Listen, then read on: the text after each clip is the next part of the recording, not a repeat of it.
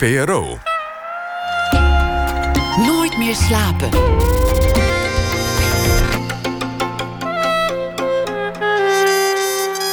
Met Liesbeth Staats. Goedenacht en welkom bij Nooit meer slapen. In de podcast Lees Dees hoort u straks meer over het boek De Grote Angst in de Bergen van de Zwitserse schrijver Charles Ferdinand Ramus. Dit boek uit 1926 wordt omschreven als een chroniek van een aangekondigde catastrofe. In deze tijd van klimaatverandering lijkt de roman actueler dan ooit. Tot die tijd ga ik in gesprek met onze gast vannacht, Maarten Ascher. Schrijver, dichter, essayist, gewezen boekverkoper, oud-uitgever en ook oud-directeur kunsten op het ministerie van OCMW. Onlangs verscheen Wat nooit eerder gebeurd is. De beste essays van Rudy Kousbroek over kunst en techniek, geselecteerd en ingeleid door Maarten Ascher. En in maart verscheen ook zijn eigen bundel, Kort Geluk. Een verzameling van zijn columns die hij voor het Financieel Dagblad en NRC schreef. Geluk, zegt de schrijver, is een kortstondige ervaring van innige compleetheid. En de column is van die kortstondige ervaring het ideale literaire equivalent.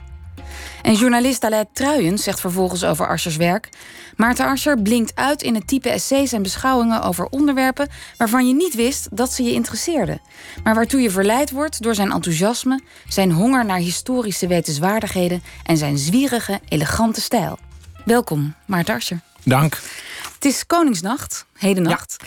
En daaraan voorafgaand was het uh, de dag van de lintjesregen. U heeft er al een. Ja. Vorig jaar, bij het afscheid als directeur van boekhandel, boekhandel Atheneum in Amsterdam, werd u officier in de Orde van Oranje Nassau. Wat was dat voor dag? Ja, dat was een mooi uh, afscheidsevenement, uh, een, een, symposium in de aula van de Universiteit van Amsterdam. Uh, onder de titel Het woord is dood, leven het woord. Uh, vond ik een erg goede titel. Ehm, want er werd iets afgesloten, namelijk mijn buitenshuiswerkende leven.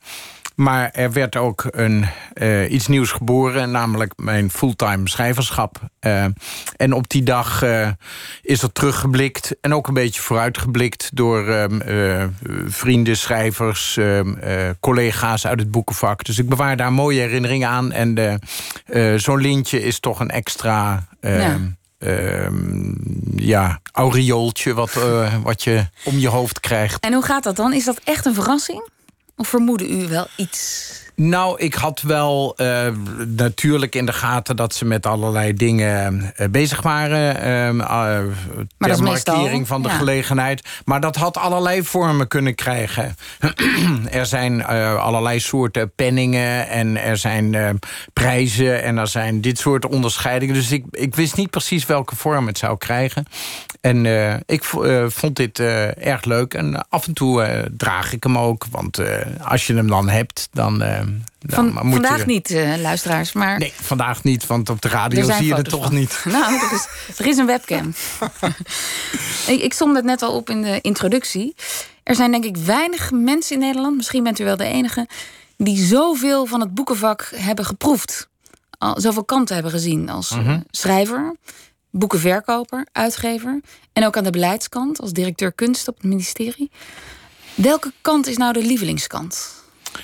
Um, ja, um, uh, eigenlijk is de, is de mooiste kant natuurlijk uh, die van de lezer.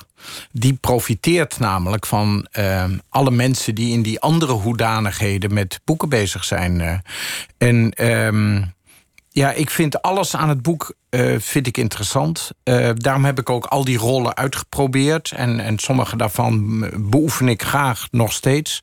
Um, tot en met ook de fysieke kant van het boek. Het verzamelen van boeken, het, het omgaan met boeken... het rangschikken van boeken, het versjouwen van boeken zelfs. Uh, ik heb net weer voor een toekomstig project... heb ik een, een meerdelig woordenboek gekocht. En dan is het al heerlijk om met die banden bezig te zijn... en dan verheug je je al hoe je dat gaat gebruiken.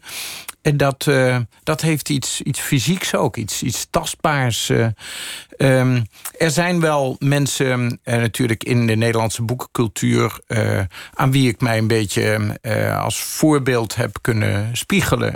mensen als Johan Polak, als Theo Sontrop, Geert van Oorschot. Dat waren, voor een deel waren dat ook leermeesters. In ieder geval waren het inspiratoren. En die hebben ook wel degelijk in verschillende rollen een grote betekenis voor de Nederlandse boekencultuur gehad. iemand als, als Theo Sontrop bijvoorbeeld was uitgever, directeur van de arbeiderspers. Hij was redacteur daarvoor bij Meudenhof. Hij was dichter, groot boekenverzamelaar. Ehm, vertaler, dus er waren fijne voorbeelden. Dus ja, dat, dat, um, juist dat allesomvattende van een boekig leven... dat inspireert. Ja. En bent u in eerste aanleg een lezer? Als dat de fijnste kant van het boekenvak is? Boeken kopen is nog fijner dan boeken lezen. Um, iedere keer als je een boek op het spoor komt... je denkt, dit zou iets kunnen zijn. Hier, hier heb ik iets te pakken. Dan, dan is dat eigenlijk... dat boek heeft nog een soort ideale uh, verschijningsvorm... een soort ideale waarde voor je... die het nog moet gaan bewijzen. Die je zelf nog moet gaan bewijzen als lezer. En... Um, ja, ideale boeken bestaan niet. Er is, er is altijd wel iets op aan te merken. Uh, naar de vorm of naar de inhoud. Maar het moment dat je een boek voor het eerst in handen neemt... en je er enorm op verheugt... dat je uh, je er heel erg mee identificeert... dat je uh, hoopt dat het een hele grote betekenis voor je gaat krijgen... dat is eigenlijk het mooiste moment. Daarom is het ook zo leuk om in een boekhandel te werken... of in een uitgeverij. Omdat je voortdurend met, met nieuwe boeken... met de, de ja, die verwachtingsvolle houding ten opzichte van boeken bezig bent. Want als je een boek op het spoor bent, dan kan het nog niet teleurstellen. Nee, dan is het nog uh, perfect. Zoals een, een, een, een, uh, een nieuwe verliefdheid. Um, die um, nog niet verzuurd is door... Uh, de realiteit. 38-jarig samenwonen. Ik vraag niet verder. U schreef columns voor het AD, NRC, het Financieel Dagblad. Wat is zo fijn aan een column als vorm? Een column is een beetje een, een, eh, je zou kunnen zeggen, een sociaal medium op papier. Ehm, of op scherm. Uh, dat wil zeggen dat je, als je een column hebt, dan, uh, dan moet je iedere week of iedere dag of eh, twee keer per maand, moet je in een streng bepaalde vorm, max in mijn geval 600 woorden, um, moet je iets observeren? Moet je iets um, uh, schrijven? Moet je een, een uh, op basis van nou, je, je professionele blik en je literaire talent daar iets van maken? En um, omdat je die, die regelmatige productie moet uh, opleveren? opleveren, ga je ook op die manier naar de wereld kijken eigenlijk. Uh, je, uh, rondlopend, lezend, pratend met mensen... is er achter in je hoofd eigenlijk steeds het idee van iets posten. En dat posten, dat is dan die column. zoals je, wanneer je op Instagram zit, zoals ik, bij mij het geval is je ook uh, eigenlijk steeds om je heen kijkt... kan ik hier iets mee? En dat is denk ik ook een van de aardigheden uh, van uh, een column... is dat je met heel veel dingen die er gebeuren... in de actualiteit, in de politiek... wat, je, wat je leest, wat je eet... dat je de hele tijd je afvraagt, kan ik hier iets mee? En je, je moet er natuurlijk ook iets mee... Um, uh, en dan is het de uitdaging om niet te triviaal te worden. Dus niet, ik, ik hou helemaal niet van die columns van... ik stond vanochtend bij de groenteboer en uh, er was een mevrouw... en die zei uh, dit en dat en dat. Ik, vind wel dat het ergens over moet gaan. Dat het ook een, een als literair genre een beetje mhm. op het niveau van het essay moet worden beoefend. Maar in, in de bundel Kort Geluk gaat het vaak over andere boeken. Of boeken die geïnspireerd hebben of die u gelezen heeft.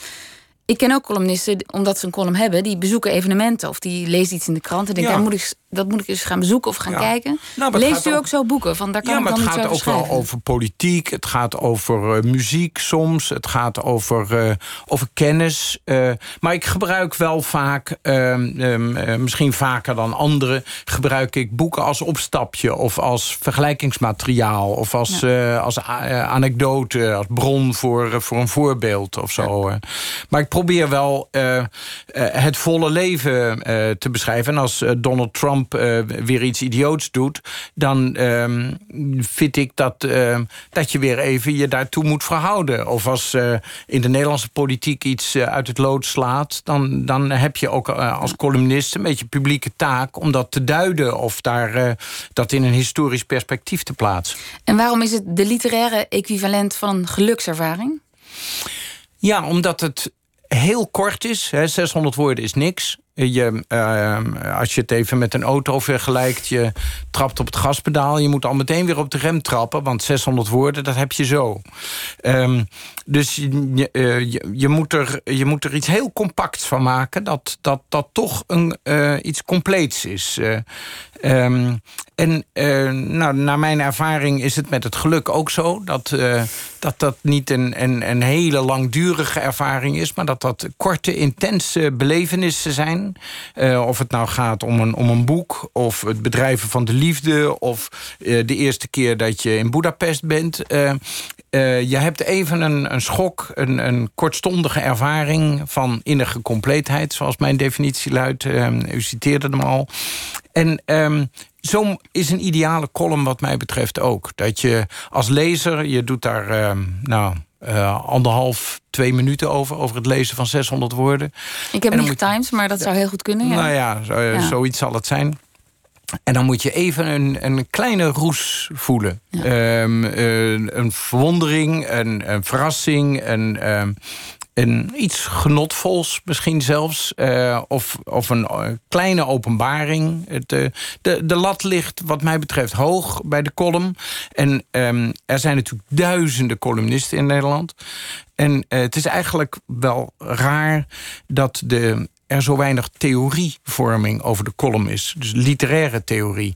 Uh, over de roman wordt heel veel gepubliceerd. Mm -hmm. uh, over het essay uh, ook nog wel. Um, over de toneelliteratuur.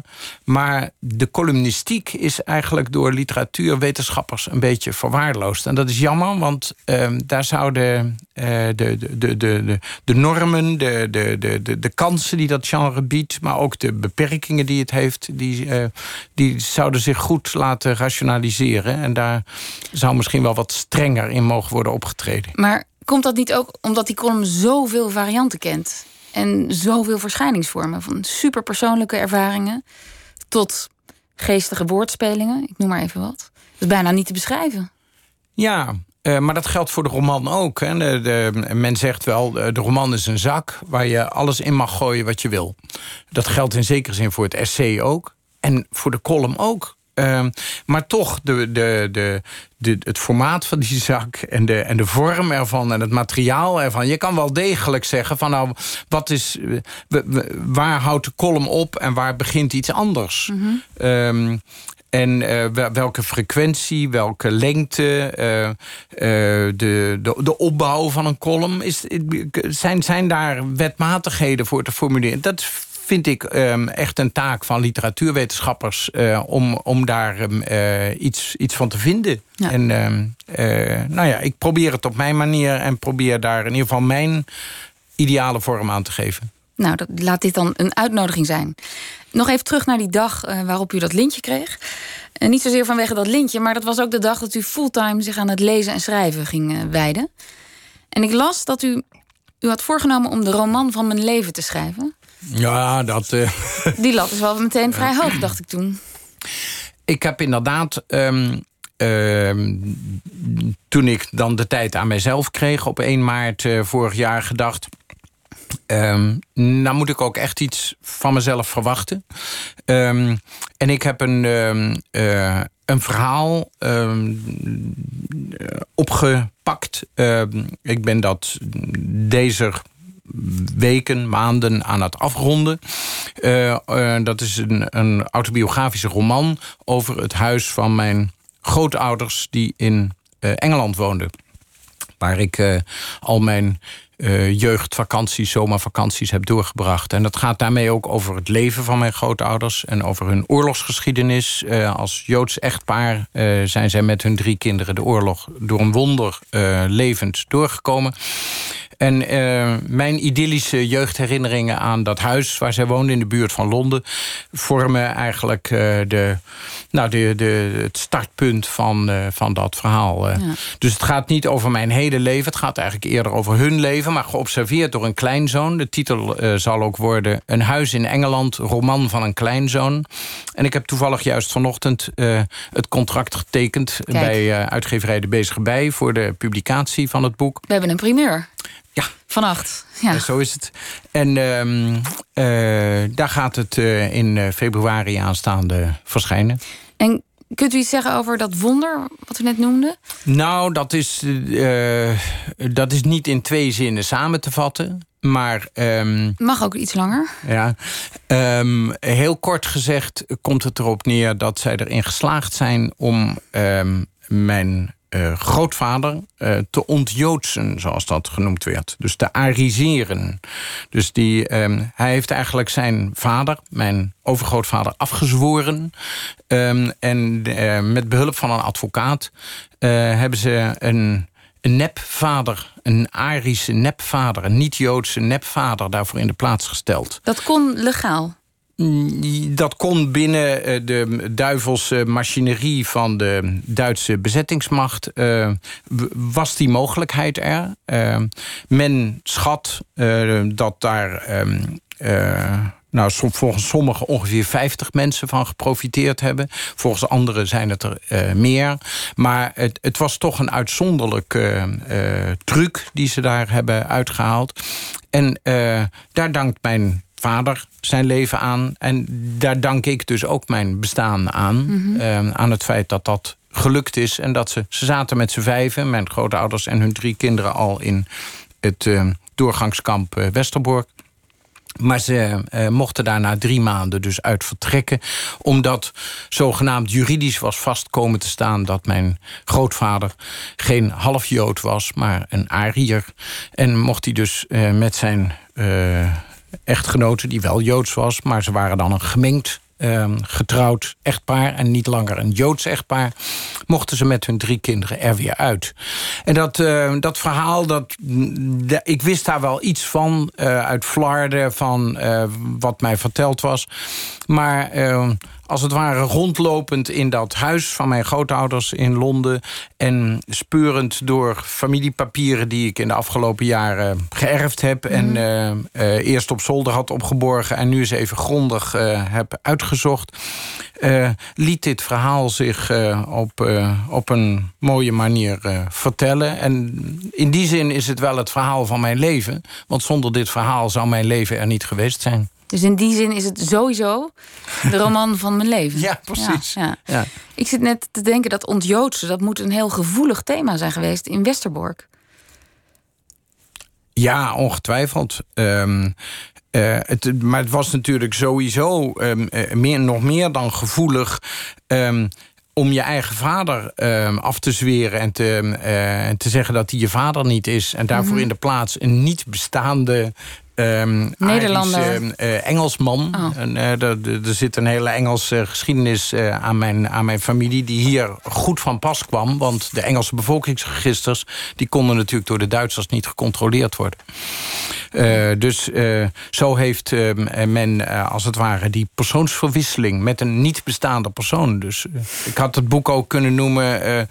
Um, um, uh, mijn, mijn niet bestaande overgrootvader. Ja. Die mij het leven gered heeft. Ja. Ja. En werd de achternaam dan ook veranderd? Uh, Asher nee. is een bekende Joodse naam. Ja, ja, ja. nee, de, de, dat niet. Want um, uh, mijn dat was dan in die procedure de stelling. Mijn uh, overgrootmoeder was wel met Benjamin Ascher getrouwd. maar dat was niet de biologische vader van haar zoon. Oké. Okay. Dus, ja. ja. En, en, en stopte daarmee ook de Joodse traditie of de Joodse religie in de familie? Nou, we zijn eh, eigenlijk al generaties lang helemaal niet Joods religieus uh, actief. de, ik ben niet Joods opgevoed. Mijn vader is niet Joods opgevoed. Mijn grootvader evenmin. Dus het gaat echt uh, minstens drie, vier generaties terug... voordat je een praktiserend Joods gelovig ehm, iemand ja. aantreft. Ja. En dat maakt het extra navrant dat, uh, uh, dat je er op die Joodse afstamming uh, in die oorlogsjaren wel zo genadeloos beoordeeld en vervolgd werd, natuurlijk. Ik hoor ook wel eens over de Tweede Wereldoorlog dat mensen inderdaad die, die Joodse tradities helemaal niet zo naleefden dat opeens wel werden door de gele ster. en door het benoemen ja, van die. Ja, daar, is, uh, ja, daar zijn inderdaad uh, uh, voorbeelden van te noemen. Maar in mijn familie geldt dat niet. Mijn grootvader was uitgesproken anti-religieus. Die was echt, laat ik zeggen, uber-atheïst. als dat woord bestaat. En mijn grootmoeder die had een soort, een, een, soort zweverige, multireligieuze, ecumenische, allesomvattende uh, ten opzichte van het goddelijke in de dingen en in, in alles.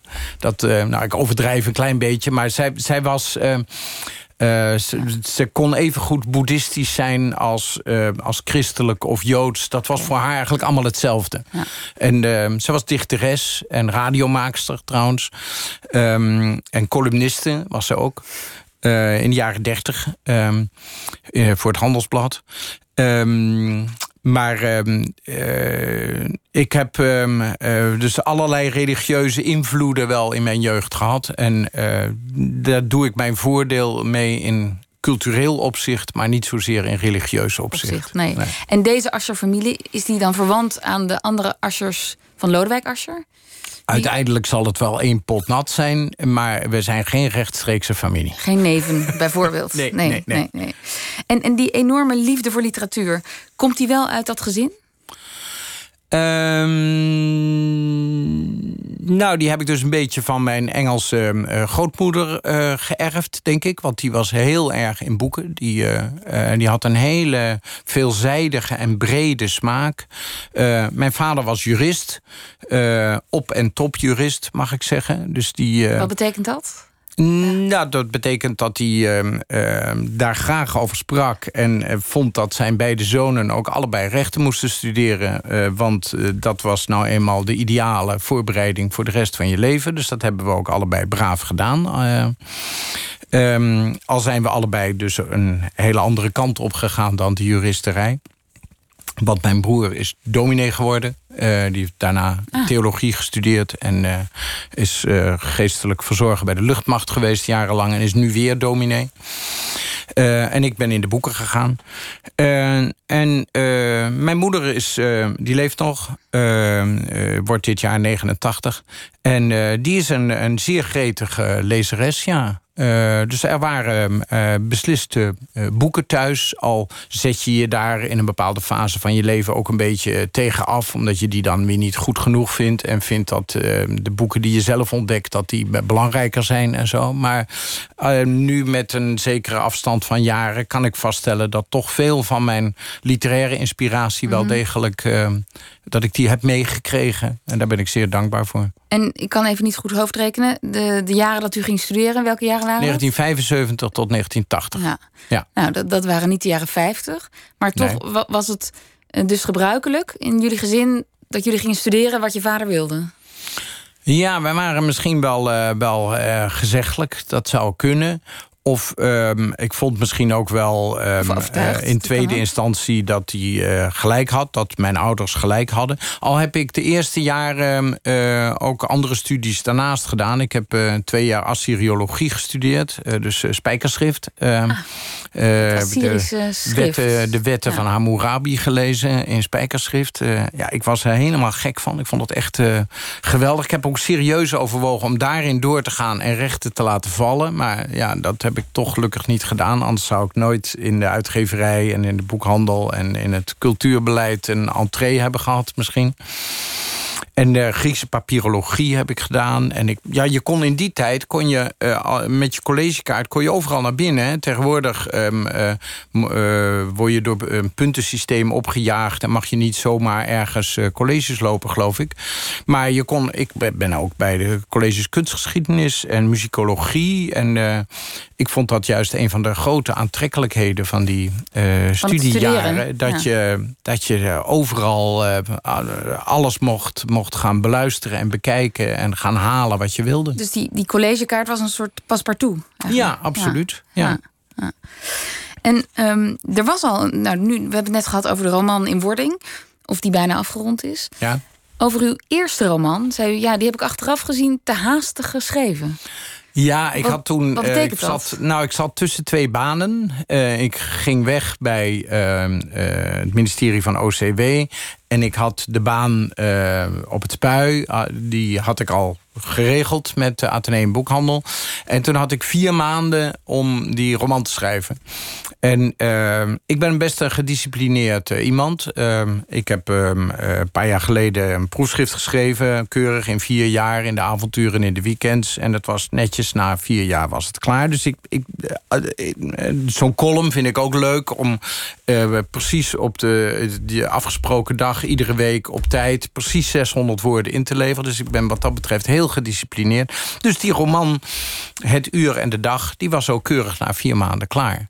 Maar dat is wel een beetje te kort eigenlijk. Dus je ziet eh, bij, in de laatste hoofdstukken zie je wel dat, uh, dat de schrijver eigenlijk een beetje tijd tekort kwam. Maar... Dat zie ik nu. Uh, daar uh, heb ik toen niet zo moeilijk over gedaan. Want ik was blij dat het me gelukt was. Maar, de, maar dat is wel grappig. De man die ook uitgever is geweest. En dus heel veel boeken begeleid heeft. Ja zag zijn eigen haastigheid niet. Ik dacht niet, nou ja, moet nog even geen, wachten. Het, het, is niet zo dat het uh, haastwerk is. Maar de, de, uh, de laatste hoofdstukken, die, als ik meer tijd had gehad... had ik die even volwaardig kunnen uitwerken... als de, de, de, hoofdstukken uit het eerste twee derde deel van het boek. ja. En daarom uh, heb ik uh, in zekere zin uh, een les geleerd. En nu ik die autobiografische roman over mijn familiegeschiedenis wilde schrijven... en over mijn eigen jeugdherinneringen aan Engeland... heb ik gedacht, ik moet echt veel meer tijd vrijmaken. Ik moet gewoon ophouden met buiten de deur werken. En ik moet fulltime aan dat boek gaan werken. En ik heb er nu dus 14 maanden al aan gewerkt. En ik ben erg blij dat ik dat heb gedurfd om mhm. die, die tijd ervoor te nemen. Want daar wordt het ontegenzeggelijk rijker en beter van. En beter van. Ja. Um, we gaan straks naar het nieuws van één uur. Maar ik wil er nog één vraag voor leggen voordat het nieuws begint. In Kort Geluk, in die bundel, staat een advies van u over de manier waarop we naar de wereld moeten kijken. Mm Als een flaneur. Ja. En niet als een ezel en ook niet als een tandarts. Ja. Die flaneur bewaren we even tot na het nieuws. Maar wat is de blik van een ezel in de wereld? Uh, de blik van een ezel is um, uh, om uitsluitend uh, geïnteresseerd te zijn in andere ezels. Het gaat terug op een ehm, beroemde rabbijn, een Engelse rabbijn... die aan zijn studenten altijd vroeg als je je voorstelt dat een ezel de Bijbel zou kunnen lezen... in welke passages zou die dan het meest geïnteresseerd zijn? En het antwoord is natuurlijk in de passages waar ezels in voorkomen. Want herkenning. Um, de tandarts uh, is het tegenovergestelde daarvan. Die, uh, die weet niets van je, van je achtergrond, waar je vandaan komt... je ziektegeschiedenis. Die kijkt gewoon in je gebit. En dan stelt hij vast, eventueel aan de hand van een röntgenfoto... wat er moet gebeuren, en dat doet hij. Um, dat zijn twee vormen van kennis. De ene gebaseerd op herkenning... en de andere gebaseerd op een specialistische blik. Uh, en wat ik in die column doe, is dat ik daar een derde vorm naast zet... om die twee om de, ja, te bevrijden eigenlijk. Eh, om je een derde keuze te bieden. En dat is de blik van de flaneur. En die bewaren we tot na het nieuws. Dan praten we verder met Maarten Arser. Schrijver, oud-uitgever, oud-directeur kunst op het ministerie van OCW. Essayist en gewezen boekverkoper.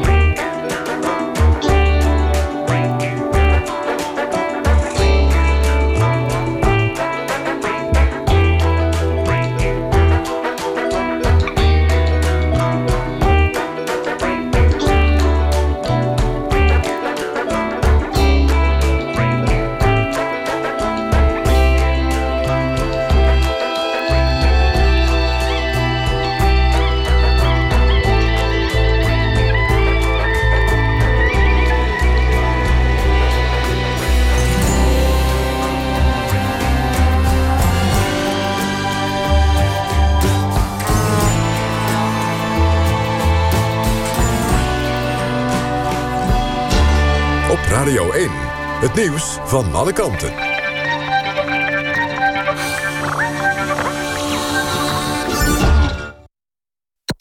NPO. 1 uur, Michel Koenen met het NOS-journaal. In Almere zijn drie tieners aangehouden omdat ze wapens bij zich hadden. De jongeren van 15, 17 en 18 jaar werden gepakt... doordat de politie ze preventief mocht fouilleren. De burgemeester heeft tot twee uur vannacht een deel van het centrum aangewezen als risicogebied. Op sociale media gingen berichten rond dat groepen jongeren wilden gaan vechten. De ME staat paraat voor het geval dat in Almere alsnog uit de hand loopt. Een kleine meerderheid van de aandeelhouders van de Duitse chemiegigant Bayer... heeft geen vertrouwen meer in de top van het bedrijf. Dat bleek gisteravond bij de aandeelhoudersvergadering. veel mensen zijn niet blij met de aankoop van het Amerikaanse Monsanto... dat het omstreden bestrijdingsmiddel Roundup maakt.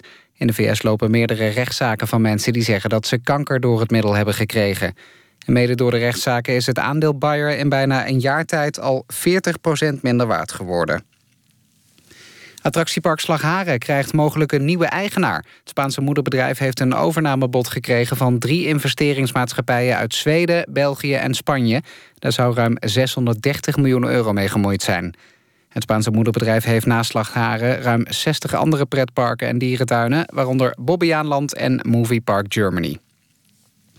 Ja, onder meer in Utrecht en Almere zijn de traditionele vrijmarkten al bezig. Een paar uur al, waar mensen hun eh, tweedehands spullen verkopen. In Eindhoven hebben verschillende pleinen op het laatste moment... nog een vergunning gekregen voor een overkapping... vanwege de verwachte regen in het zuiden. Omroep West waarschuwt mensen om overdag alleen zware spullen uit te stallen... vanwege de harde wind. De politie in Amsterdam waarschuwt voor zakkenrollers onder het motto... let op je kroonjuwelen. Het parool meldt dat minister Grapperhaus ook op de vrijmarkt stond. Volgens de krant verkocht hij oude stripboeken. Het weer nog bijna overal droog, maar later deze Koningsnacht trekt vanuit Zeeland regen het land binnen. Nou, overdag soms even zon, maar er vallen ook stevige buien. Het wordt een graad of 12 en het waait stevig. Dit was het NOS Journaal. NPO Radio 1. VPRO. Nooit meer slapen.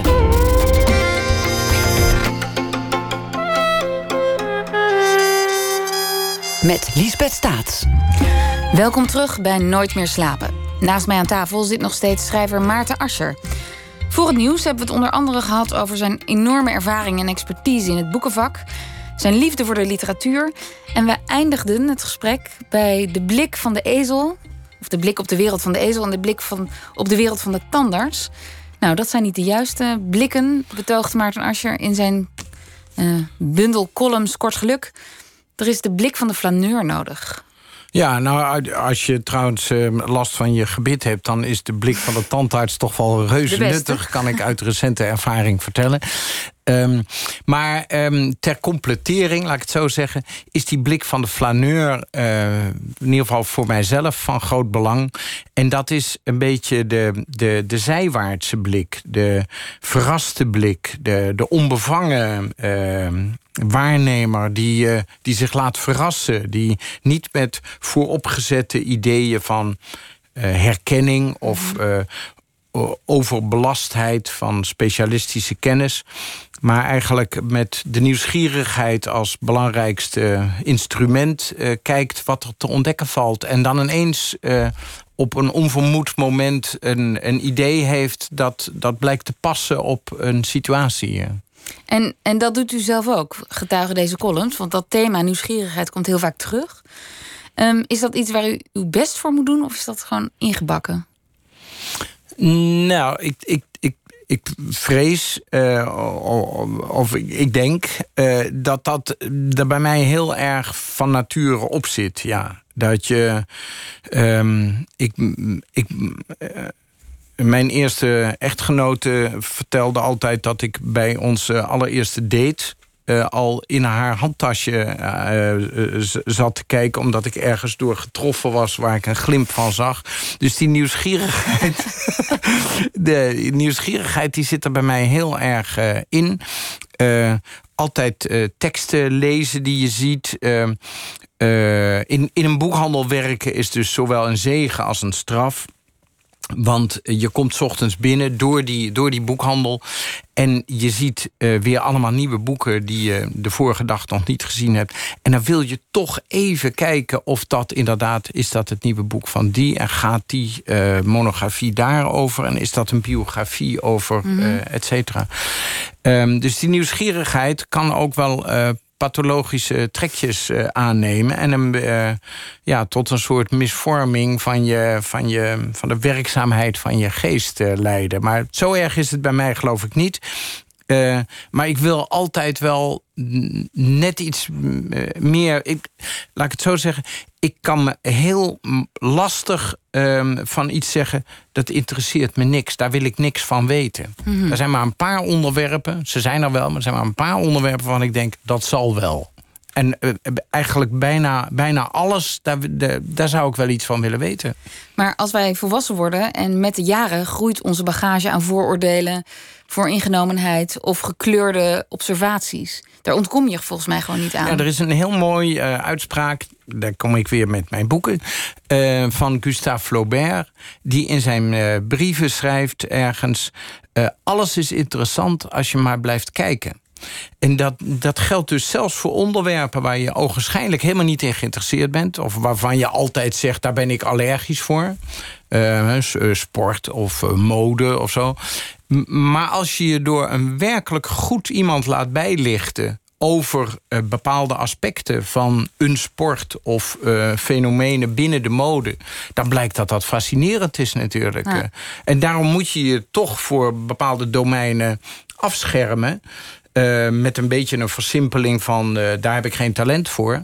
Want anders word je natuurlijk helemaal gek. Want je kan je niet in alles verdiepen. Dan zou je, uh, zou je op een gegeven moment met met oogkleppen en, en, pleisters over je ogen... zou je door de wereld moeten gaan. Omdat je, ja, op een gegeven moment is je schijf vol, zal ik maar zeggen. Ja.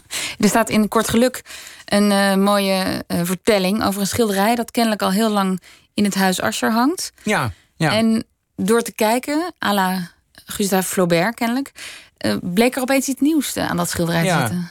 Ja, dat uh, is een schilderij van een uh, Cubaanse schilder... Uh, wat ik ooit uit, naar aanleiding van een tentoonstelling... in de Rijksacademie van Beeldende Kunsten gekocht heb in Amsterdam. Douglas Perez Castro heet hij.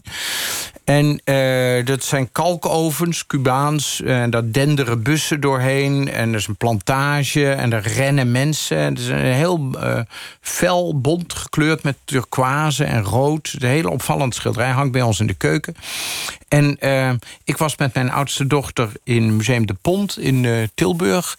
En daar, daar uh, zagen we, ik voor de zoveelste keer, zij voor het eerst een beroemd videokunstwerk van Bill Viola. En doordat ik dat opnieuw zag en daar weer details in zag... die me eerder ontgaan waren en merkte ik dat ik bij thuiskomst... een beetje met een afwezige blik, een beetje flaneurachtig, zal ik maar zeggen... kijkend naar dat eh, overbekende, voor mij overbekende schilderij van Perez Castro...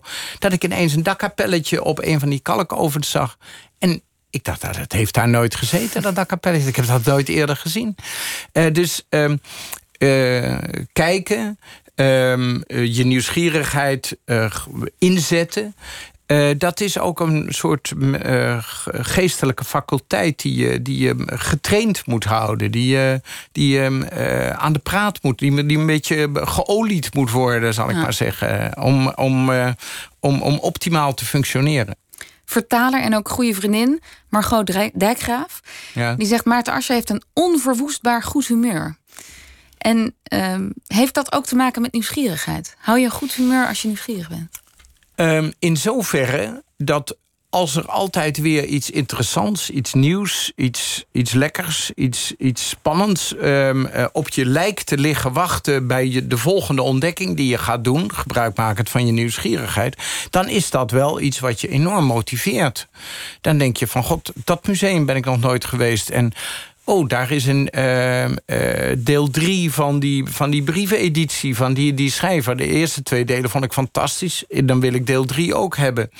Uh, ik ben nog nooit in Triest geweest, bijvoorbeeld. Nou, dat is verschrikkelijk natuurlijk. daar, daar moet ik naartoe. Ja, waarom? Je zou ook kunnen zeggen van... joh, laat het. Je kan toch niet overal geweest nou ja, zijn. Maar... Als je niet in Triest bent geweest... dan zijn er ook nog van het, nou ja, volgens het alfabet nog 26 andere Precies. letters die je kunt Maar bereizen. Ik ben, eh, als ik denk aan dat bezoek eh, wat ik ga brengen aan eh, Triest, dat gaat vast een keer gebeuren, dan ben ik daar wel optimistisch over. Ik denk dat dat een fantastische belevenis wordt. Eh, ehm, dus dat soort nieuwe ervaringen die je jezelf gunt, omdat je jezelf voortdrijft met die nieuwsgierigheid, die hebben wel iets heel positiefs, ja. Net als het, het kopen van nieuwe boeken of het ontmoeten van nieuwe mensen. Daar, eh, in principe ben ik, daar, eh, ben ik daar heel positief gestemd over.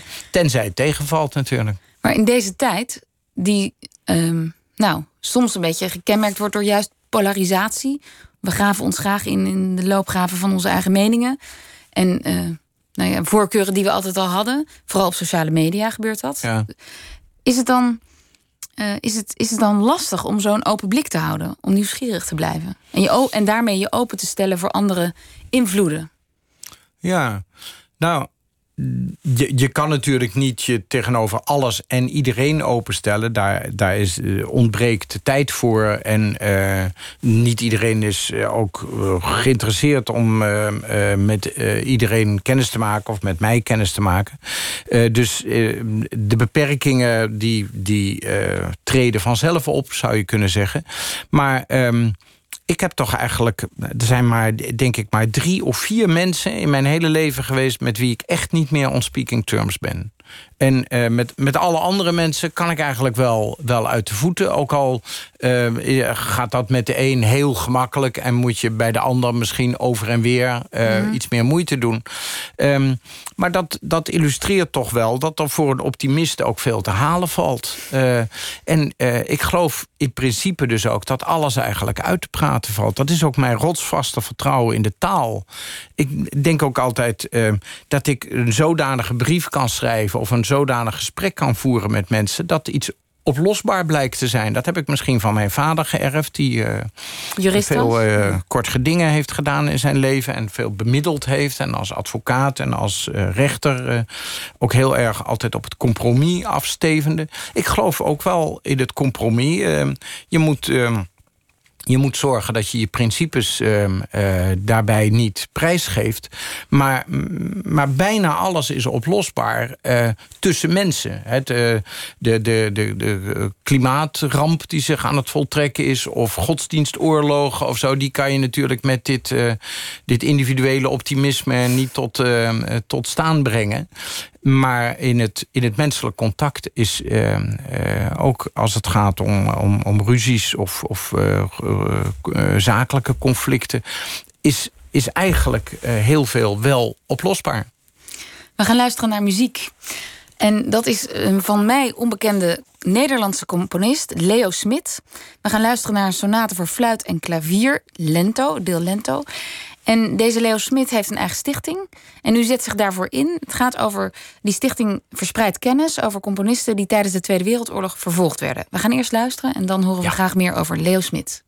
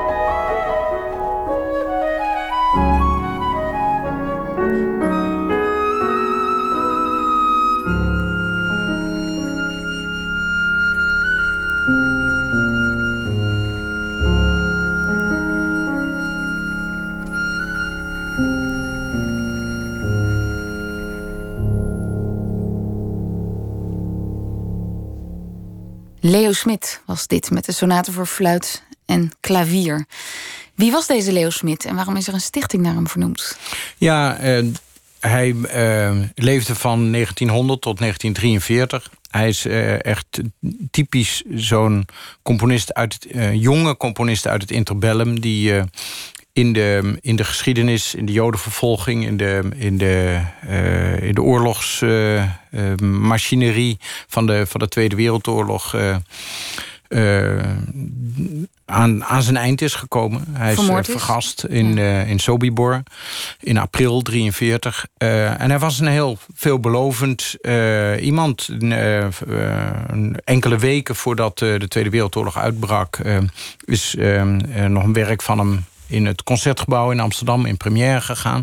En uh, zo zijn er velen in zijn generatie uh, wier uh, leven uh, en of werk vermalen is door de, door de geschiedenis. En die Leo Smit Stichting, geleid door Eleonore Paameijer... die we volgens mij ook in deze uitvoering op de fluit hoorden... die zet zich in voor het herontdekken en het uitvoeren van die muziek. En dat is me een zeer sympathiek doel... dat, dat ieders steun en belangstelling verdient. En ik heb er ook nog een, een persoonlijke band mee, denk ik altijd. En daar ben ik achter gekomen, uh, nog eens nadrukkelijk door de research voor mijn uh, familieroman. Familie, ja. Want terwijl mijn grootouders met hun drie kinderen in Westerbork zaten, precies in diezelfde periode kwam Leo Smit daar ook aan. En die is dus wel weggevoerd naar het oosten en kwam niet terug. En mijn uh, grootouders en hun kinderen zijn door uh, een wonder uh, eruit gekomen en ja. hebben het wel overleefd. En, dus die kunnen elkaar ontmoet hebben daar? Ja, die, nou ja, er waren daar natuurlijk duizenden mensen op die winderige zandvlakte mm. van Westerbork. En het is misschien een beetje een raar romantisch idee, maar de, die, die lot, lotslijnen die hebben elkaar daar geschampt. En nou ja, je hebt, je hebt soms een, een, een extra element in muziek die, uh, die interesseert. Um, en dat um, is uh, wat mij betreft uh, dit, ja. dit historisch detail... dat, dat toch veel betekend is. Ja. Um, er ligt nog een bundel op tafel. Want Maarten Arscher schreef niet alleen een bundel columns... of die zijn gebundeld van zijn hand... maar leidde in en selecteerde ook essays van Rudy Kousbroek... onder de titel Wat nooit eerder gebeurd is. De mooiste essays over kunst en techniek. In de inleiding schrijft u: uh, ja, we missen Rudy Kousbroeks blik op de wereld. En op uh, de actualiteit en op literatuur. Ja. Wat is die blik?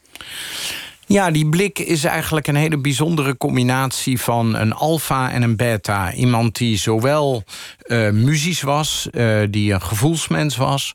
Uh, maar ook iemand die met een hele technische en een wetenschappelijke blik kon kijken. Een echte beta. En hij was die twee in één, als het ware. Hij was bovendien ehm, een, een genadeloos bestrijder van onzin, van humbug... van valse bedoelingen...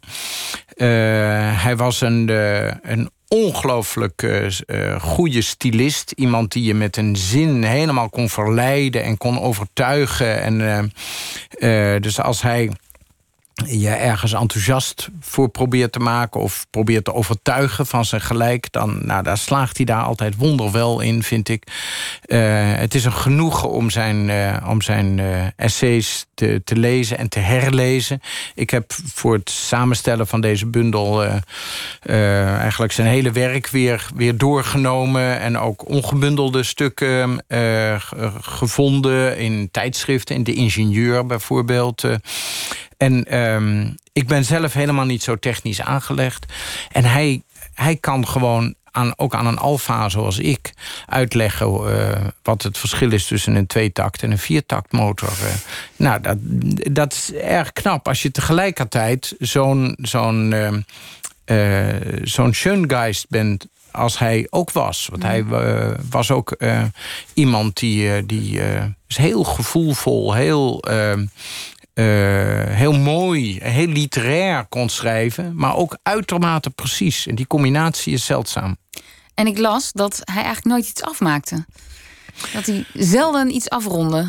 Ja, studies het kost, of ja, het kostte boeken? altijd. Uh, want ik ben natuurlijk ook een paar jaar lang zijn uitgever geweest. Uh, Zo hebben jullie elkaar ook leren kennen? Ja, ja. Um, en zijn um, uh, redacteur, um, Tilly Hermans, die was er uh, op de uitgeverij mee belast om de, de boeken ook echt uit zijn handen te krijgen. En dat was altijd een heel spel van uh, trekken en sjorren en duwen en op bezoek gaan in Parijs. En uh, alvast dingen laten zetten, zodat hij uh, zag hoe het zou worden. En in de hoop dat hij het dan uh, zo zou aanvaarden als het dan eruit zag. Maar dan wilde hij toch weer dingen herschrijven. En dan was hij toch weer niet helemaal tevreden. En dan bepaalde stukken moesten er nog bij, maar die kon hij dan niet vinden. En uh, nou ja.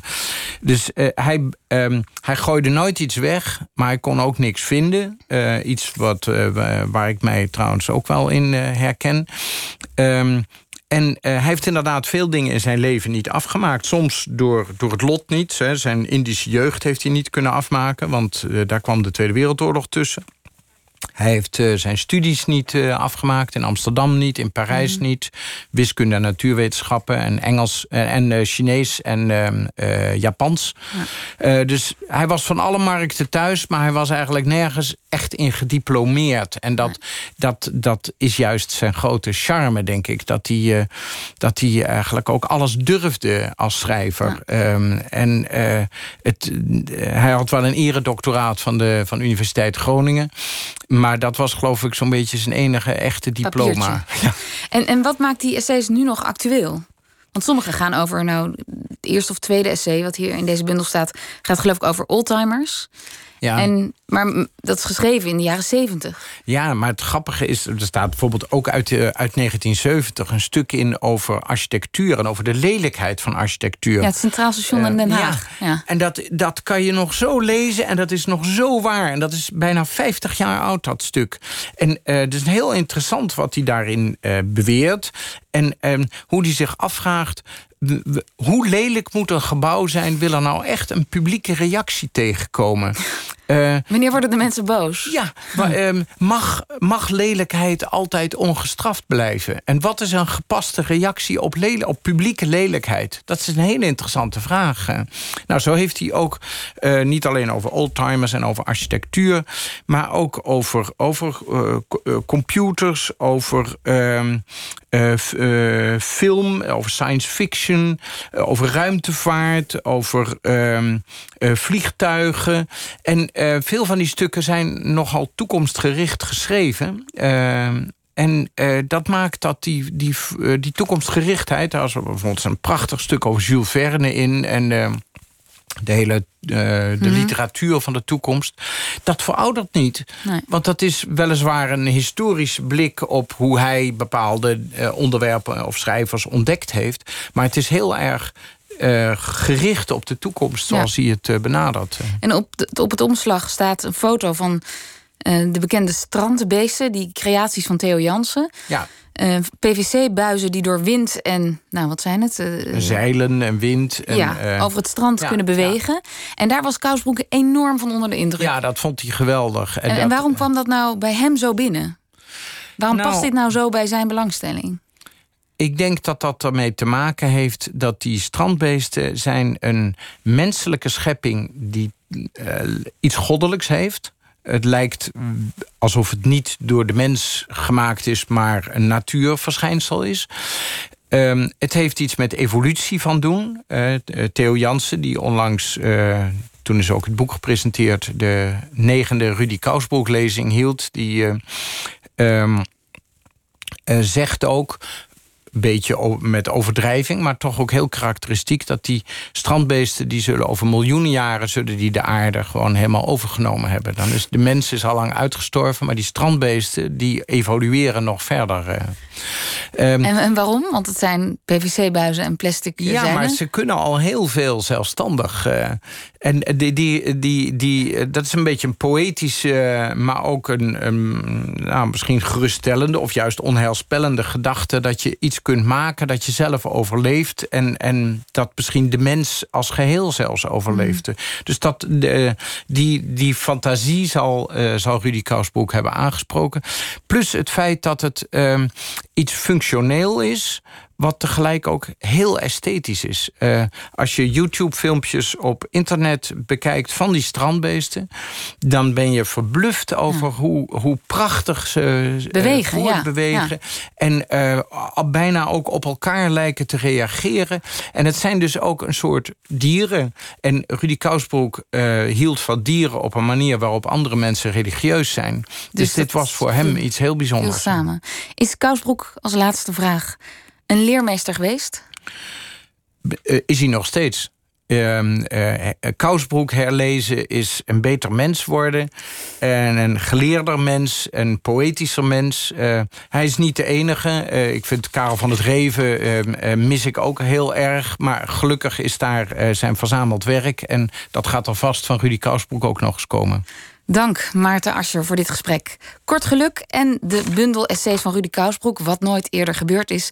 zijn verschenen bij Atlas Contact. Op 6 mei wordt de Libris Literatuurprijs uitgereikt. En in Nooit meer slapen praten we diezelfde avond... dan een uur lang met de winnaar. De komende zes dagen prijzen we een aantal schrijvers... hun favoriete genomineerde boek aan. Het spits wordt afgebeten door Jeroen Olieslagers. Verslaggever Inge Terschuren ontmoet hem in zijn 16e eeuwse schrijversoptrekje... waar hij een goed woordje doet voor genomineerde Johan de Boze... en zijn boek Het Vloekhout.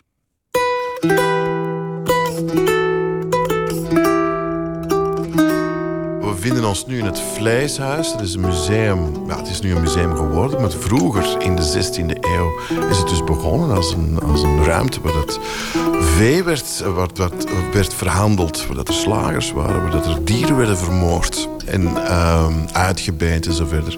En boven ons horen we gekraak. Dat zijn de mensen van het museum. En ik zit hier op de eerste etage en ik schrijf hier. Ja, fantastische plek om uh, te schrijven. En uh, ik denk ook een mooie plek om uh, het vloekhout te bespreken van Johan de Boze.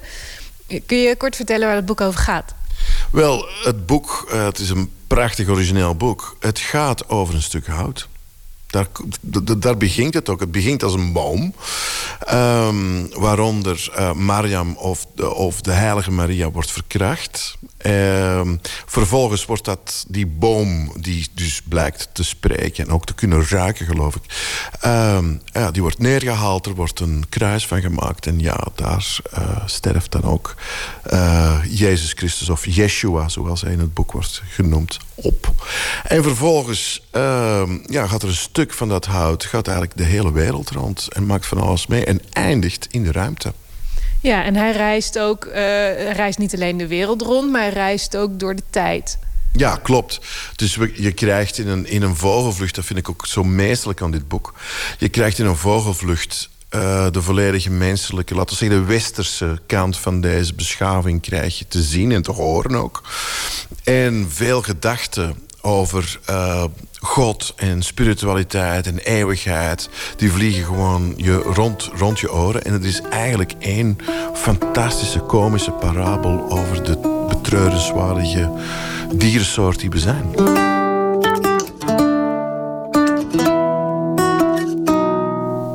Het stuk hout, is een personage. Uh, kan uh, denken, kan uh, tot zichzelf mompelen.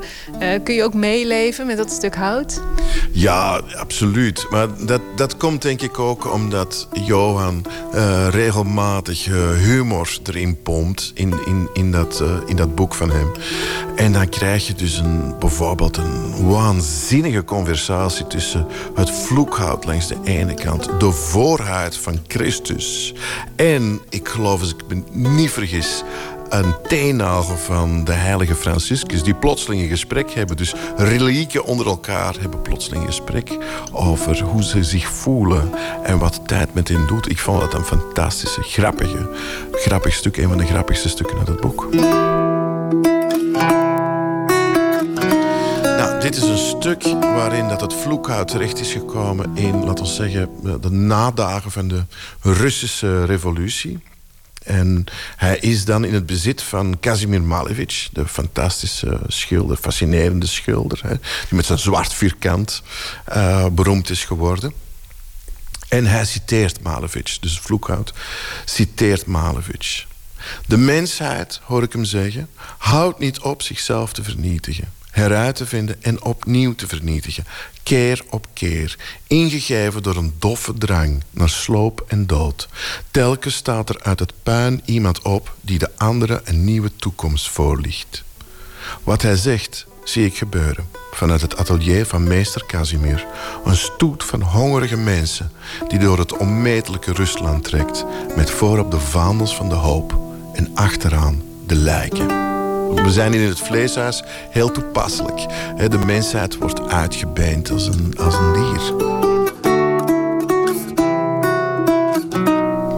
En uh, toen hij het boek schreef, toen, uh, dat, dat was ten tijde van aanslagen in, uh, in Brussel. Ehm, zie je dat door? Werkt dat door in het boek? Well, er is een, een van de allerlaatste hoofdstukken is eraan gewijd. Hè.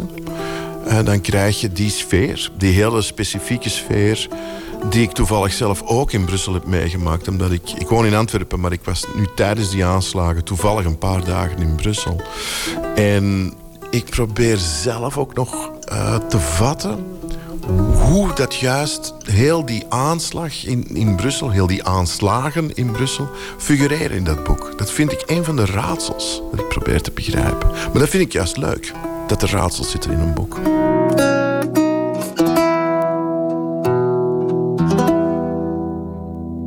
Jeroen Olieslagers hoorde u over zijn favoriete Libris-genomineerde... Het vloekhout van Johan de Boze.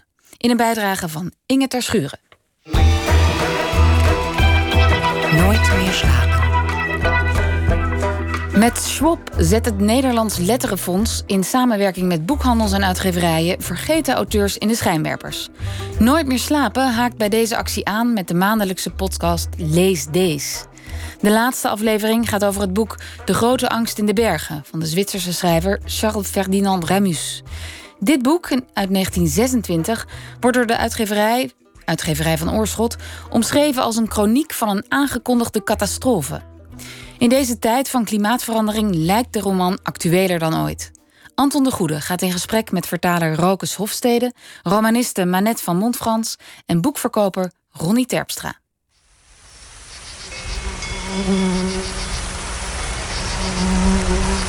Het licht van de dag was geel. Het is deze zondag. Het is de voorlaatste dag. Het was deze zondagochtend. Het was de ochtend van de voorlaatste dag. En nog altijd was het drukkend warm. Al had de zon zich niet vertoond.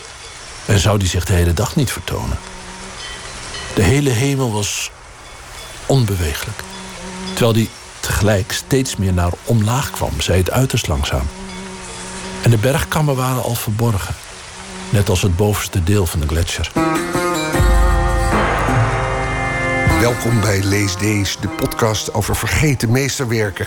Dit keer over de wereld van de Zwitserse schrijver Charles Ferdinand Ramu. Een fragment hoorden we uit de roman De Grote Angst in de Bergen. En als je die apocalyptische regels hoort over de drukkende warmte, klinkt het bijna alsof het over de ondergang van de wereld gaat, veroorzaakt door extreme opwarming. De Grote Angst in de Bergen, een boek uit 1926. Uitgeverij van Oorschot omschrijft het als een chroniek van een aangekondigde catastrofe. Daaronder was de geur van de dood die opsteeg. Daaronder was het geloei van de beesten. De beesten die nog rechtop stonden, draaiden zich naar je toe als ze hadden gezien. En kwamen dan op je af. De beesten die niet meer konden komen, lagen op hun zij, met hun tong uit hun muil. Sommigen al helemaal opgezwollen, bewegingloos onder de vliegen. Het is de ochtend van deze voorlaatste dag. De komende 20 minuten duiken we in meer fragmenten en we horen Rokus Hofstede, de vertaler die woont in de Vlaamse Ardennen in Ronse. Maar hem moest en zou ik spreken, want als er één fan van Ramu is, dan is hij het. Hij ziet De Grote Angst in de Bergen als een ecologische roman avant la lettre. Een boek, bijna 100 jaar oud, dat eigenlijk over de wereld van nu gaat. De ramp die op handen is, zien ze niet. En dat is ook zou je kunnen zeggen, wat ons nu overkomt. Wij kissenbissen over de economische haalbaarheid van klimaatmaatregelen. Maar de aarde is al 30 jaar noodsignalen aan het uitzenden... dat dit model van economische groei niet kunnen handhaven. De aarde reageert al, slaat, is al bezig terug te slaan. Zoals de bergen in de roman van Ramu. Straks horen we Rokus Hofstede uitgebreider. En dan ook de mening van romaniste Manette van Montfrans... die ook al deels woont in bergachtige streken in het buitenland. Ook zij zal inzoomen op de parallellen tussen de personages in het boek... en de lezers van nu. Deze bewoners hebben een soort primitivistisch idee van de natuur. De natuur is bezield. Zij zijn ook echt bang voor de natuur. En wij worden nu pas bang voor de natuur. Te laat. Maar voordat we de doorgewinterde kenners aan het woord horen, eerst een enthousiasteling die onlangs de grote angst in de bergen las. Ronnie Terpstra, boekverkoper bij Boekhandel van der Velde in Leeuwarden. Het is echt zo'n klassiek verhaal. Dat gevoel heb je natuurlijk al snel als het een boek is van, uh, van bijna 100 jaar uh, oud. Want het is in de jaren 30 van de vorige eeuw geschreven. Maar uh, ja, deze schrijver slaagde er bij mij eigenlijk vanaf de eerste bladzijde al in... om een wereld in te trekken die ja, haast mythische proporties heeft. Waarbij de mens ondergeschikt is aan de natuur en waarbij ja, bijgeloof, uh, religie en al dat soort zaken ja, op een hele mooie manier worden geserveerd. Dus ik werd al heel vroeg in dit boek erin getrokken. Het is ook heel snel duidelijk wat de bedoeling is van dit boek, van dit verhaal, wat de schrijver wil. En toch slaagt hij erin om de aandacht, het volledige boek van zo'n nou ja, bijna 200 pagina's de aandacht uh, vast te houden en een, uh, tot een, met, met een verrassend uh, slot te komen. Dus ja, dan, dan heb je mij wel snel te pakken. Je zegt, het wordt al heel snel duidelijk wat de schrijver wil. Wat wil de schrijver dan? Nou, de schrijver uh, wil een verhaal vertellen wat enerzijds uh, heel nuchter is, maar wat ook een hele sprookjesachtige uh, laag heeft.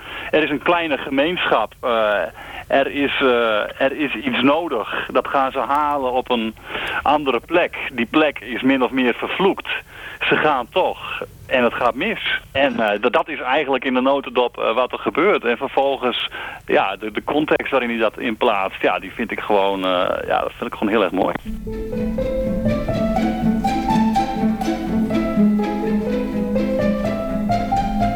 We zitten bij het Letterenfonds in Amsterdam met een uh, illuster duo, de Amsterdamse romaniste Manette van Montfrans, die vorig jaar een lezing gaf over het boek op de Alliance Française in Zutphen onder de prikkelende titel Heidi réécrit par Cormac McCarthy, wat in het Nederlands vertaald zoveel wil zeggen als uh, Heidi herschreven door Cormac McCarthy.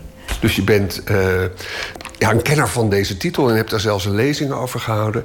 En Rokers Hofstede, de vertaler, die ook een nawoord heeft geschreven bij De Grote Angst in de Bergen. En die ongetwijfeld geworsteld heeft met dit boek, want het is een typische uh, verteltrand met verleden en heden en droomachtige sfeerbeelden en bikkelharde ontwikkelingen.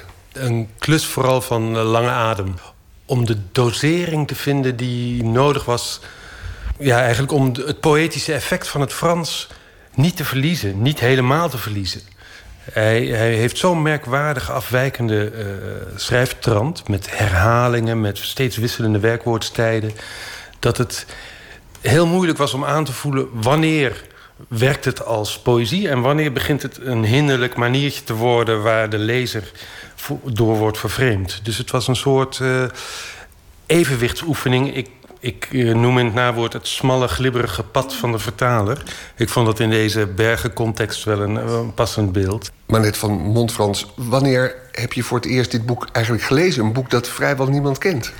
Uh, nou, ik heb het pas drie of vier jaar geleden gelezen. Ik heb het gekocht in een klein stadje aan de voet van de Mont Blanc. Uh, geheten. En uh, ik was geïntrigeerd door de titel, omdat uh, uh, dorp waar wij wonen bedreigd wordt door eenzelfde uh, catastrofe als hier aan het eind van het boek wordt beschreven. Dat wist ik toen nog niet, want ik zag alleen natuurlijk de titel: La Grande Peur dans la Montagne. Maar ik dacht, uh, wat zou dat zijn, die La Grande Peur? Waar, waar, hebben mensen, waar zijn mensen bang voor in dit boek? Dat was het. Laten we even luisteren naar een openingsscène van het boek.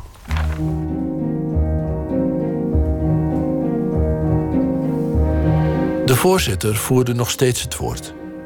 Het was tien uur s'avonds en de vergadering van de dorpsraad was al vanaf zeven uur bezig. De voorzitter zei: Dat zijn verhalen. We hebben nooit echt goed geweten wat er daarboven gebeurd is. En het is nu twintig jaar terug. Het is van vroeger. Eén ding is duidelijk als je het mij vraagt. Namelijk dat we al twintig jaar achter elkaar mooi gras laten verpieteren.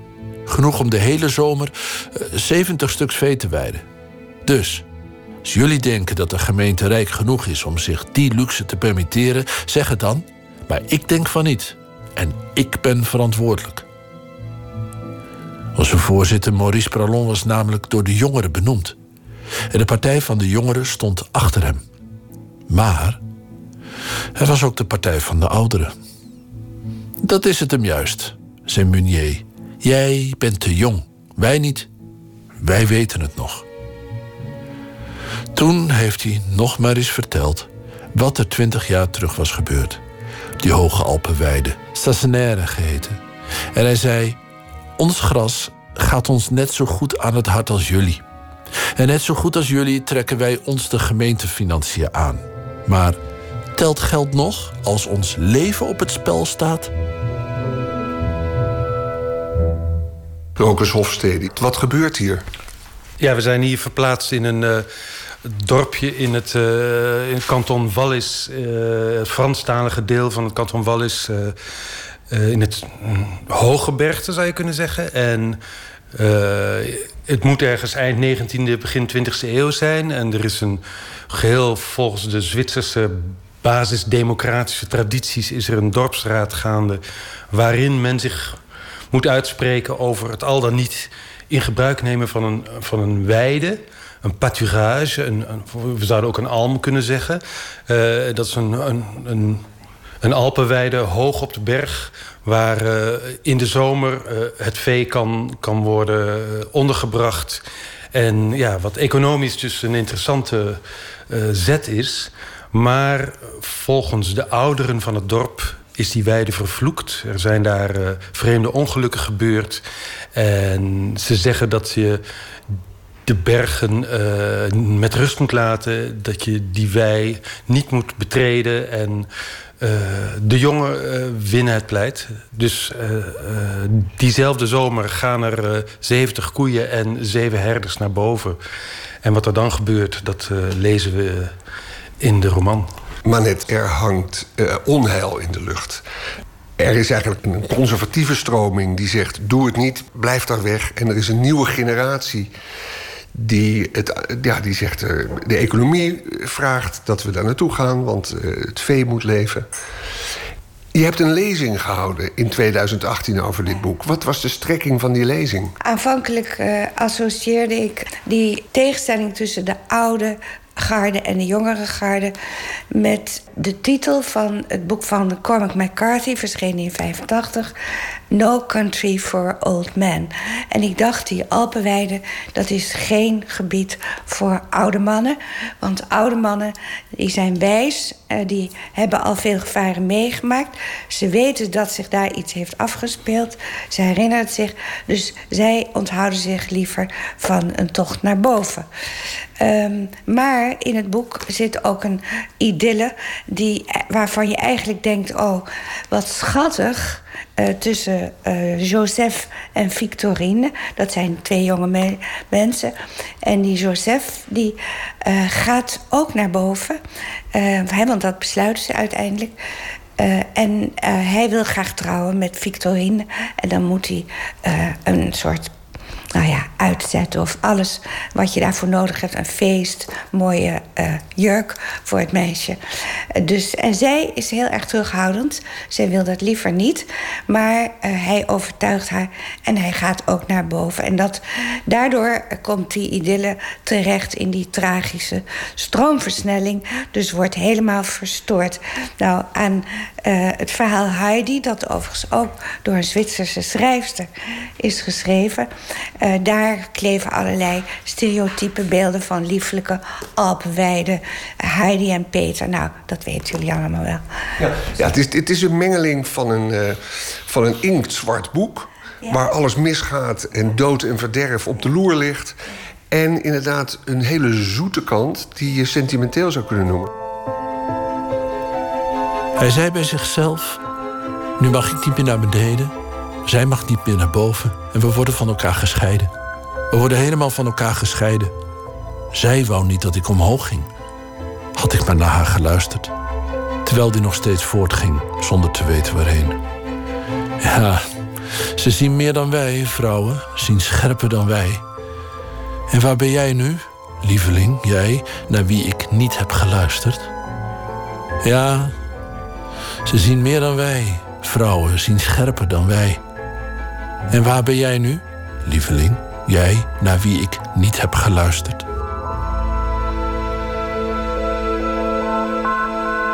Een vraag nu, Rokus. Jij zegt, het is een heel actueel boek. Zelfs nu veel actueler dan het ooit geweest is. Want het werd natuurlijk als een soort tragedie in het Hogebergte gelezen, als een noodlotsdrama. Maar nu kan je, kan je het heel goed lezen als een fabel over onze tijd, namelijk als een ecologische roman avant la lettre. Het frappeerde mij het, sterkst toen ik uh, een jaar geleden aan het werken was aan een vertaling van een uh, Franse filosoof, socioloog Bruno Latour. Over de, de, de ecologische catastrofes die ons te wachten staan, onder meer. En hij had het over de bodem die ons, onder onze voeten wegzinkt. Die het begeeft onder onze voeten. Uh, zowel de mensen die door klimaatverandering op, op de vlucht slaan... als de mensen die hun eigen veilige territorium aan het verliezen zijn. En die zin, de bodem viel onder zijn voeten weg... de bodem zonk weg onder zijn voeten... komt tot tweemaal toe ook in deze roman voor. En ja, dat was zo'n frappante overeenstemming dat ik dacht... daar is een link tussen te leggen. En eigenlijk klopt die hypothese heel erg goed. Als in de slot van de roman de, de, de dorpelingen elkaar met kruisen uit het kerkhof te lijf gaan... dan zien ze helemaal niet dat 90 graden van, uh, of een kwartslag gedraaid... dat de berg bezig is op hen af te komen. Uh, dus het, de, de ramp die op handen is, zien ze niet. En dat is ook zou je kunnen zeggen, wat ons nu overkomt. Wij kissenbissen over de haalbaarheid van uh, uh, de noodzakelijke maatregelen... de economische haalbaarheid van klimaatmaatregelen. Maar de aarde is al 30 jaar noodsignalen aan het uitzenden... dat dit model van economische groei niet kunnen handhaven. De aarde reageert al, slaat, is al bezig terug te slaan. Zoals de bergen in de roman van Ramu. Dat is de, de, de parallel. Manet, ben, ben je het eens met deze vergaande analyse. Nee, ik ben het er niet helemaal mee eens. Um, ik begrijp dat het verleidelijk is om deze parallel te trekken. Maar uh, de bevolking van het dorp is heel erg bijgelovig. Uh, en uh, wij, wij huidige bewoners van de aarde, missen misschien wel bijgeloof. Zodat wij ook eigenlijk niet bang zijn. we zien het gevaar. We willen het gevaar niet zien. Het economische belang staat voorop. Dat uh, is natuurlijk in dit boek ook zo. Maar ja, deze bewoners hebben een soort um, de, een primitivistisch idee van de natuur. De natuur is bezield. Zij zijn ook echt bang voor de natuur. En wij worden nu pas bang voor de natuur. Te laat. Dus ik vind deze parallel niet helemaal opgaan. Ik snap dat het verleidelijk is. En ik ben ook voor alle middelen om mensen te motiveren om iets uh, aan de naderende catastrofe, om, om die proberen af te wenden. Maar ik vind toch dat je het boek uh, niet helemaal juist interpreteert dan. Rokkers Hofstede, ik ben geneigd het met Manet eens te zijn als lezer. Want ik heb het boek gelezen als een soort gekte die zich ook van een gemeenschap meester, uh, meester kan maken. En die een soort self-fulfilling prophecy krijgt. Dus een soort angst voor iets die eigenlijk nergens op stoelt. En die dan toch in ellende eindigt. Maar de, dan zie je iets essentieels over het hoofd. Het is niet alleen de gekte die de, die de gemeenschap in zijn greep krijgt. Het is ook de natuur die zelf ziek wordt. Letterlijk begint de berg te hoesten. Uh, er komt een geel vlies over de, over de hemel te liggen als, het, als de ogen van blinden. En wat daar precies voor kwade macht aan het werk is, dat zegt Ramu niet. Wij, wij weten welke kwade machten werkzaam zijn. Dat zijn de koolstofemissies.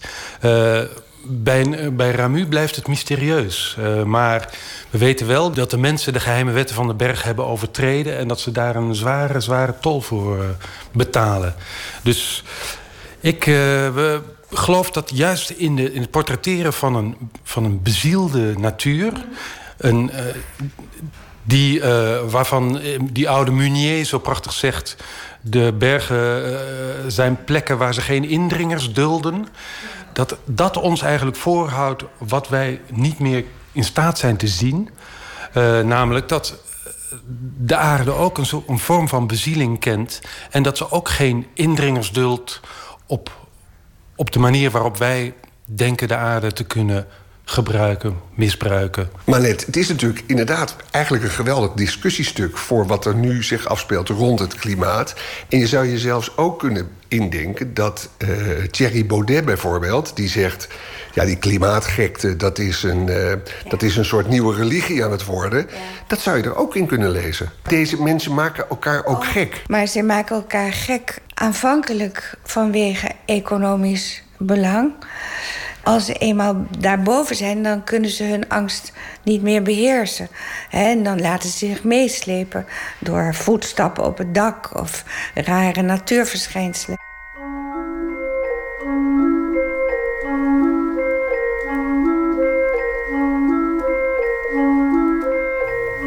Het was als aan het begin van de wereld, voor de komst van de mens. Of anders, als aan het eind van de wereld, als de mensen van de aarde zijn weggedomen, nergens beweegt er meer iets. Er is niemand meer. Alleen lucht, steen en water. De dingen die niet voelen, de dingen die niet denken, de dingen die niet praten. Je luisterde. Er kwam niets. Het was een windstille nacht. Je luisterde nog eens. Er kwam nog steeds niets. Daarom begon, bij wijze van contrast, binnen in de hut het knappen van het vuur te klinken als een hard geluid. Of ook wanneer iemand een voet verplaatst of wanneer iemand hoest of spuugt. Rokers, jij hebt een speciale band met dit boek gezien jouw eigen achtergrond. Ja, dit is voor mij een, een, eh, een, sterk moment... omdat het een, soort lus van 50 jaar uh, rondmaakt. Ik kende Ramu al voordat ik uh, hem ooit gelezen had... zelfs voordat ik Frans sprak. Want ik, ben, ik heb een deel van mijn jeugd in Frans-Zwitserland doorgebracht. En als twaalfjarige jongen nam ik de treinen naar het station van Lausanne... en liep dan over de avenue Charles-Ferdinand Ramu naar mijn school. Dus ik heb aan Ramu en aan mijn verblijf in Zwitserland... Uh, kennis van het Frans te danken en indirect mijn vertalersroeping.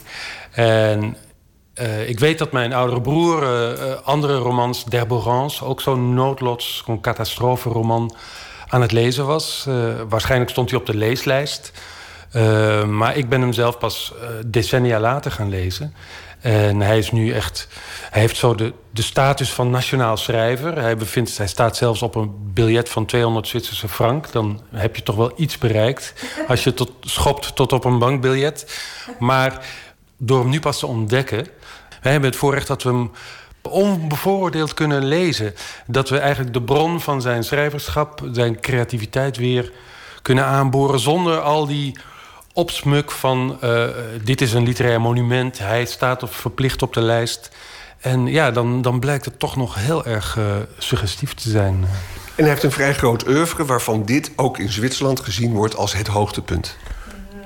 Er zijn, andere, er zijn andere romans, La Beauté sur la Terre, D'Herborance, uh, die ook wel, het is een, een uivere met verschillende pieken.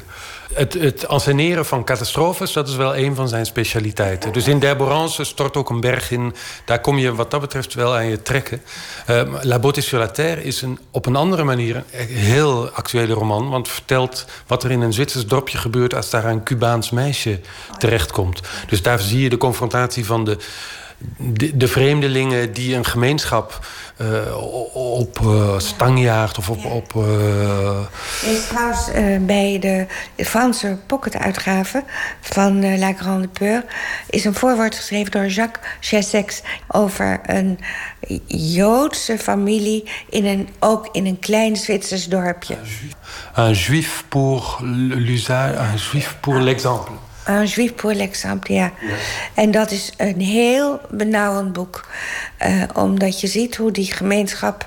Uh, nou ja, die Joodse familie niet accepteert. Maar uiteindelijk ook wordt er iemand vermoord, hè, een van die mensen. Rokers, jij als vertaler was het een Zwitsers boek? Ook in taal kom je dan tegen, dingen tegen die, die je in de Franse literatuur niet ziet... en die dus jou voor een raadsel plaatsten? Niet speciaal voor een raadsel, maar het is wel een, een heel ander boek... dan de, de boeken die uit de, zeg maar, de Parijse sfeer en de Parijse uh, cultuur van uh, het geschreven woord komen. Het is geschreven toen Ramu was teruggekeerd... na tien jaar in Parijs te hebben gewoond... en besloot dat hij, als hij dan toch geen Parijzenaar... onder de Parijzenaars kon worden... dat hij dan ook maar zijn eigen stijl zou ontwikkelen... geënt op de ritmes en de klanken van het Frans dat hij om zich heen hoorde. Van de wijnbouwers en de, de, de boeren. En het heeft dus vooral die, die, die muzikaliteit van het geschreven Frans. Hij noemde het zelf, van het gesproken Frans. Hij noemde het zelf het openlucht Frans. De Français de plein air. Tegen het schoolfrans dat de, de, de kinderen niet spraken, maar wel moesten leren. En dat is hem op enorm veel tegenstand komen te staan in de jaren twintig. Er waren echt felle protesten tegen Ramu. Eén citaat is heel uh, suggestief. Een criticus die uitriep... als hij uh, geen Frans wil schrijven... laat hij dan een andere taal leren en zich daarin uitdrukken. Maar hij, hij eist het recht op om dat afwijkende... dat mauvais français, dat slechte Frans te gebruiken... wat eigenlijk een soort kunsttaal is die hij ontwierp. Het is geen afspiegeling van hoe mensen spraken, maar het is een, een artificiële literaire eh, uitvinding van hem. Met al die herhalingen en een heel eigen toon die je, die je maar zelden tegenkomt.